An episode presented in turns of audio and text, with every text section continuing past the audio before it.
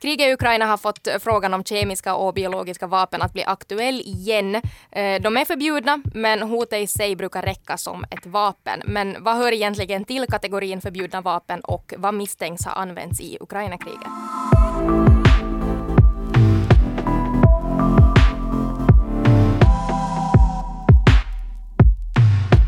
Okej, så efter invasionen av Ukraina så har Ryssland gjort en hel del uttalanden där de då påstår att biologiska och kemiska vapen skulle ha utvecklats i Ukraina.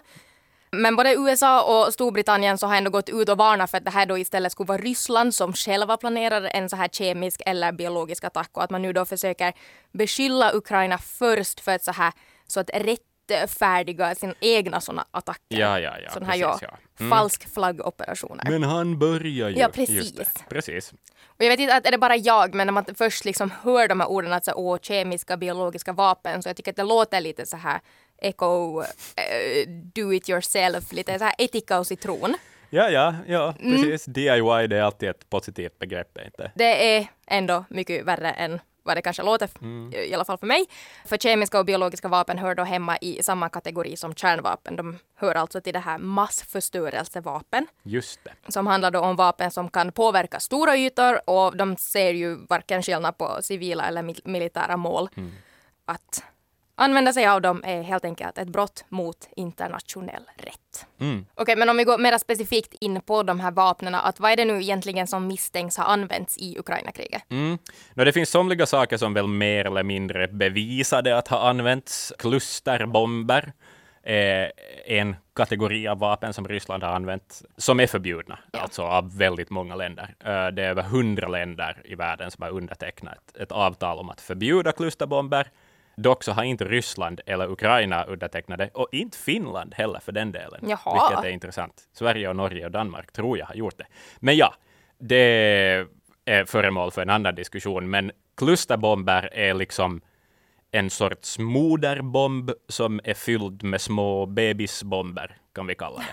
Eh, och de här liksom små bebisbomberna sp- sprids på, över ett stort område. En anledning då till att de är förbjudna, de här klusterbomberna, eller till att över hundra länder har förbjudit dem, så är, är just för att de sprids över ett så stort område så att man inte kan kontrollera om det är militära mål eller om det finns risk att civilbefolkning stryker med.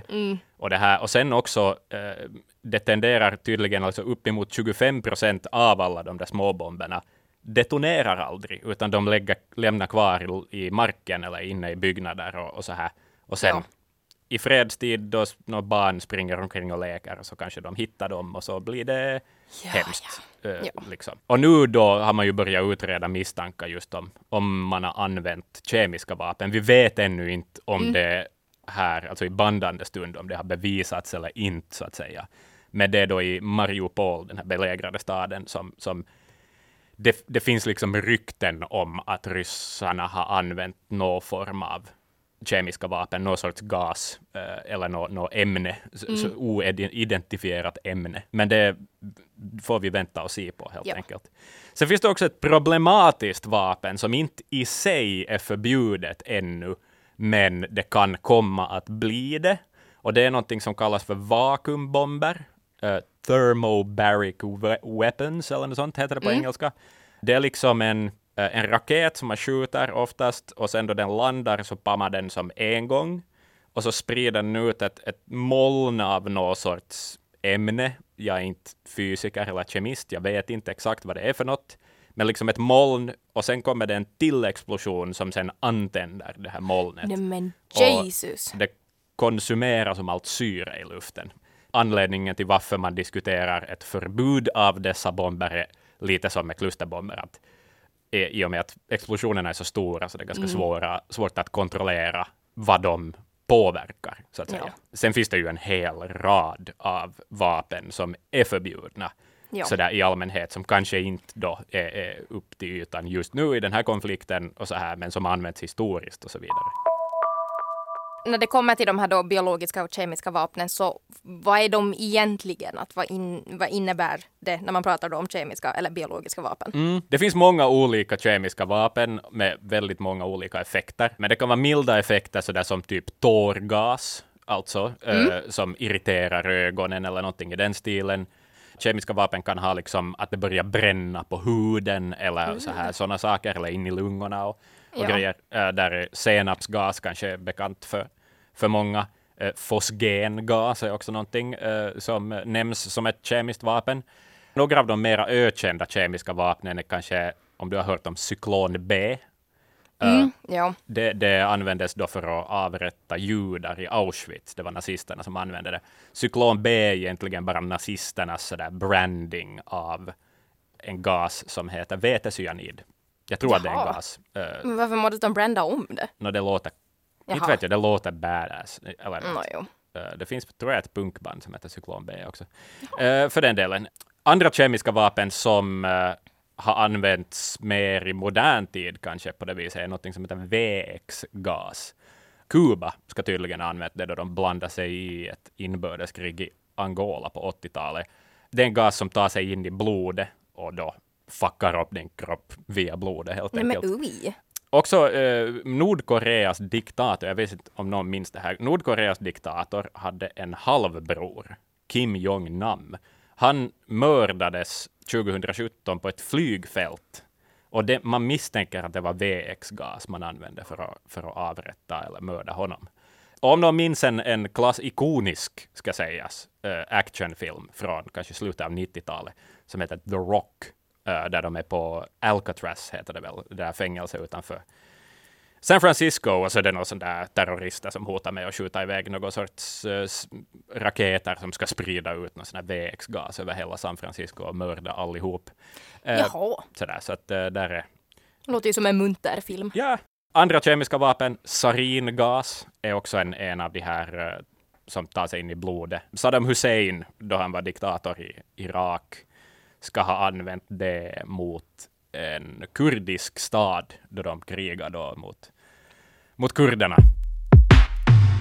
Ja, och sen också under inbördeskriget i Syrien då 2013 till 2018 så lär man ha använt klorgas i uh, ungefär 300 olika tillfällen. Okej. Eh, och det är ju liksom, det är ju väldigt, väldigt svårt att bevisa att klorgas används eftersom det avdunstar väldigt snabbt och också används industriellt. Ja, ja, ja, precis. Ja, och det är väl faktum, tror jag, med många av de här Alltså grejen med kemiska vapen Mm. överlag är att egentligen vilket land som helst kan producera det. Att det är Ja. ganska lätt att få fram, just för att det är ämnen som används i industri och så där. Men det ska tydligen ändå vara så att det är väldigt tajt övervakat nu, liksom försäljningen. Att du, vet du, du kan inte få så där och köpa enorma mängder av något som ska användas för finns i receptet till cyklon B, liksom utan att någon lyfter på, på blicken. Nej, det är sant. Det är väl så också man blir fast om man ska liksom koka amfetamin typ. Ja, exakt. Du köper för mycket av fel sak på Ja. ett och samma ställe. Jag har ingen erfarenhet av det, men jag har lärt mig det från Breaking Bad, tror jag. Ja. Ja. Ja. Ja, men det är det. Och sen tänkte jag också, det är ju lite samma också att om man nu ska mörda någon, Mm. eh, så man ska ju inte köpa alla redskap från Nej. samma ställe. Precis. Ja. Tejp och Ja, plast och klor och... klor ja. och exakt precis. Man borde göra det någon gång och se vad som händer. Nåväl. ehm, det, det finns också vapen, kemiska vapen som är lite i gråzonen av om de är kemiska vapen eller inte. Vitt fosfor är ett sånt. USA har använt vitt fosfor i Irakkriget då de var på jakt efter alla terrorister efter 9-11. Eh, ofta för att liksom Eh, det blir då som ett moln i luften. Vapnet i sig hamnar liksom i kategorin att det ska vara ett så här bländande vapen, lite som typ gasgranat, alltså sån här, vad heter de, inte foffbomber som Magikade Häx har, men typ. Men sen har det också en effekt, den där fosforn har en, en brännande effekt på folks hud och sådär. Där, där är liksom det som tillåtet tydligen då ännu av många länder, men borde det egentligen vara det och så vidare. Ja, no. Det, Jag tänker att något överlag liksom orden bränner på huden. och vitt fosfor är också tydligen då, det sprids jättesnabbt. Eller sådär att om du, om, om du är på jakt efter någon som kanske gömmer sig i en grotta till exempel och fyller grottan med fosfor, så finns det liksom ingen, du kan inte ta vägen någonstans och, och skydda dig för det, utan du måste ut. Och det är just därför man har använt det också, för att det är ett effektivt sätt att få ut fienden ur sina skrymslen. Biologiska vapen har vi också nämnt. Mm. Uh, DIY eko-grejen, uh, vilket ju är så pass ekologiskt som till exempel pesten.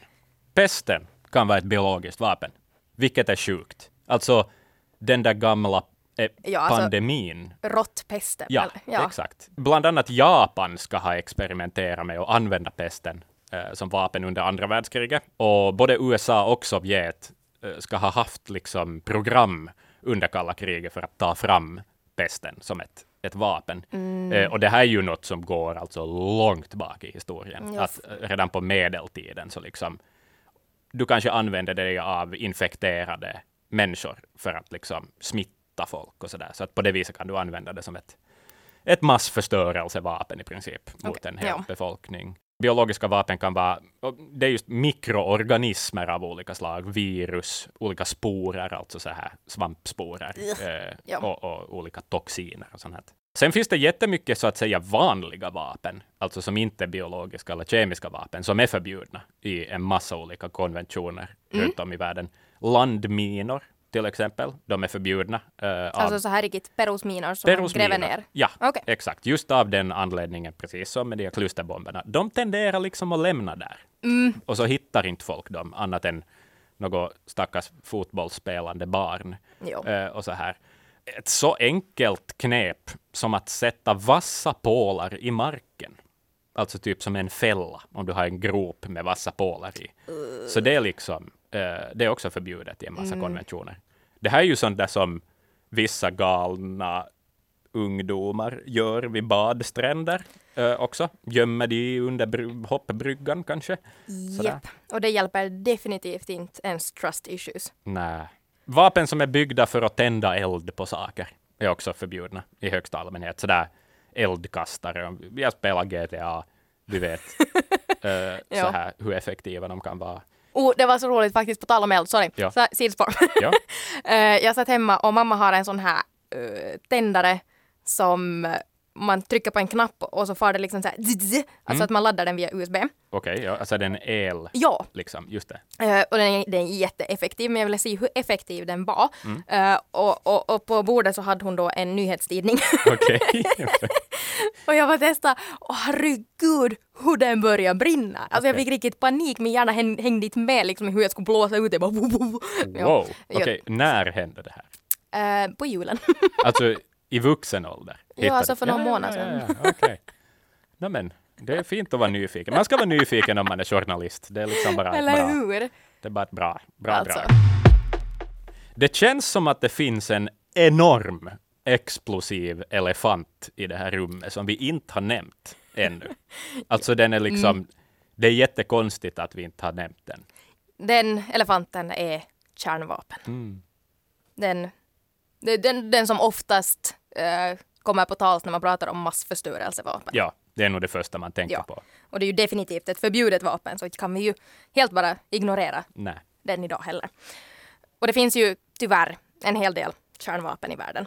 Eh, Vi har de här så kallade kärnvapenstormakterna som då är USA och Ryssland och det sägs att de har 90 procent av världens kärnvapen, eller sån här kärnvapenstridsspetsar egentligen, Eh, vilket då är det här eller för kärnvapen består av många olika delar och den här stridsspetsen är själva bomben som då ska detonera och sen behövs det ju då någon form av robot som för iväg den. Just det, Så precis. det är olika delar. Eh, Men det finns ju ungefär 13 000 sådana i världen. 13 000! Förutom USA och Ryssland då, som är de här kärnvapenstormakterna så finns det också andra länder som har kärnvapen. Eh, Det är Storbritannien och Frankrike i Europa. Eh, Sen är det också Israel, Pakistan, Indien, Kina och Nordkorea. Just det. Och här är det då att Kina har tredje flest kärnvapen. Okej. De har 350 stycken. Oho, det Ja. var ett hopp där. Det var ett hopp, som. för det här betyder att eftersom det finns 13 000 i världen så USA har lite på 5 000 och Ryssland har närmare 6 000. Jävlar. Och här är det ju också att nu före Ryssland och Putin satt det här kärnvapendiskussionen tillbaka över ämnen som diskuteras så var det bara för några år sedan som Nordkoreas ledning så här så att säga kärnvapen skramla Okej. och man fick panik. Eh, men det Nordkorea har ändå nå, bara och bara men bara ett 40-tal kärnvapen. Just det. Men det känns ju som att det här är liksom... Varför ska man ha så många då det är så få som behövs? Eller liksom, Ja. okej, inga kärnvapen behövs. Men liksom om man nu vill då utplåna mänskligheten så tror jag att det räcker med betydligt färre än 13 000. Så konstigt och jag tror jag aldrig kommer att förstå. Folk drar ju det som ett argument att, att de finns till för att bibehålla freden. Vet du? Mm. Att sådär att mänskligheten har uppfunnit liksom det värsta skiten ever och därför måste vi nu bete oss för att den finns ja. på något vis. Kan inte man bara ta bort dem? Ja. Men då kan ju någon annan uppfinna dem igen. Om någon börjar ta ner mm. så är de sådär, men hur vet vi att USA gör detsamma? Tänker ryssarna då, eller vice versa. Och så här. Och så är det liksom bara en jävla mexican standoff av kärnvapen som är riktade mot alla hela tiden. Ja, för det har ju tillverkats sådana grymma Mm. kärnvapen, de här så kallade tsarbomberna. Ja, den som ja. världens största bomb som yes. någonsin har exploderat. Vars Men, tryckvåg tror jag får två varv runt jordklotet och den pamma. Japp, ja för de insåg att den bomba, eller detonerade strax före den slog marken för man insåg att eh, man återhämtar sig inte från en sån liksom, hjärnskakning, men jordbävning. Nej. Och det är också de här ansarbomberna som ju cirkulerar i början av Ukraina-kriget på TikTok när folk var satt upp en så här radie över en karta och så att oh, att uh, anfaller Ryssland nu med kärnvapen så exploderar allt det här.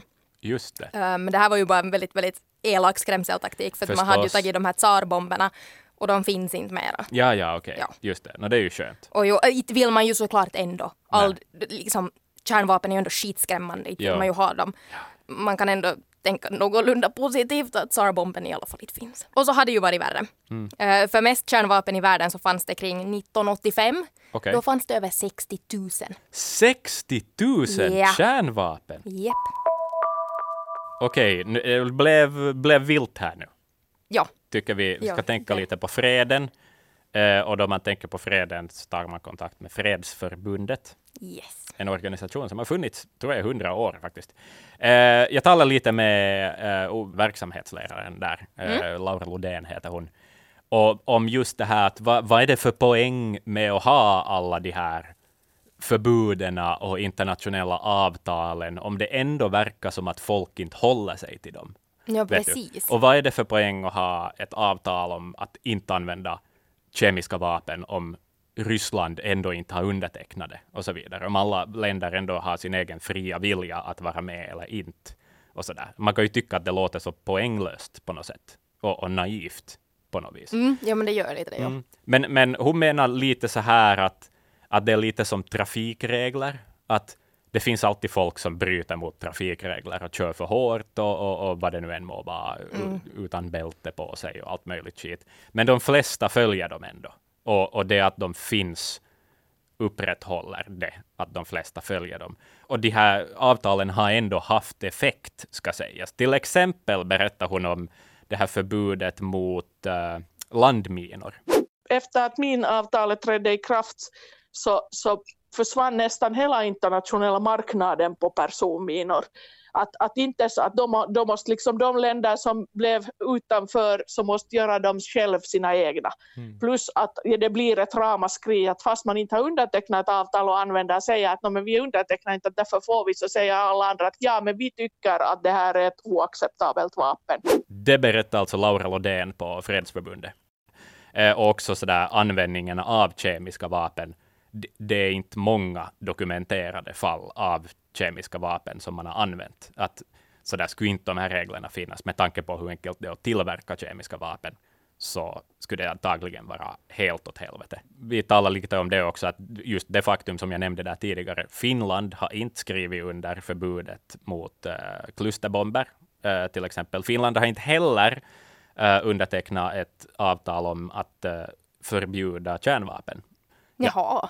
Det, det, har väl kanske att göra med den här diplomatin och så här. Att ja. man, man, ska inte trampa Ryssland på tårna, men, men får se vad som händer. Vi håller oss till våra molotovcocktails. Ja, exakt. Ja. Och de är inte förbjudna. Nä. Och napalm är inte heller. uh, eller napalm är förbjudet om man använder det mot civila. Jag tycker att det är en sund lagstiftning. Det här var veckans avsnitt av Fatta grejer med mig, Laura och Axel. Tack för att du lyssnar och om du har kommentarer om avsnittet så får du jättegärna höra av dig till Axel. Axel.brink.yle.fi eller sen till mig på laura.tonros.yle.fi. Du hittar oss också på Instagram under namnet yleextremnyheter.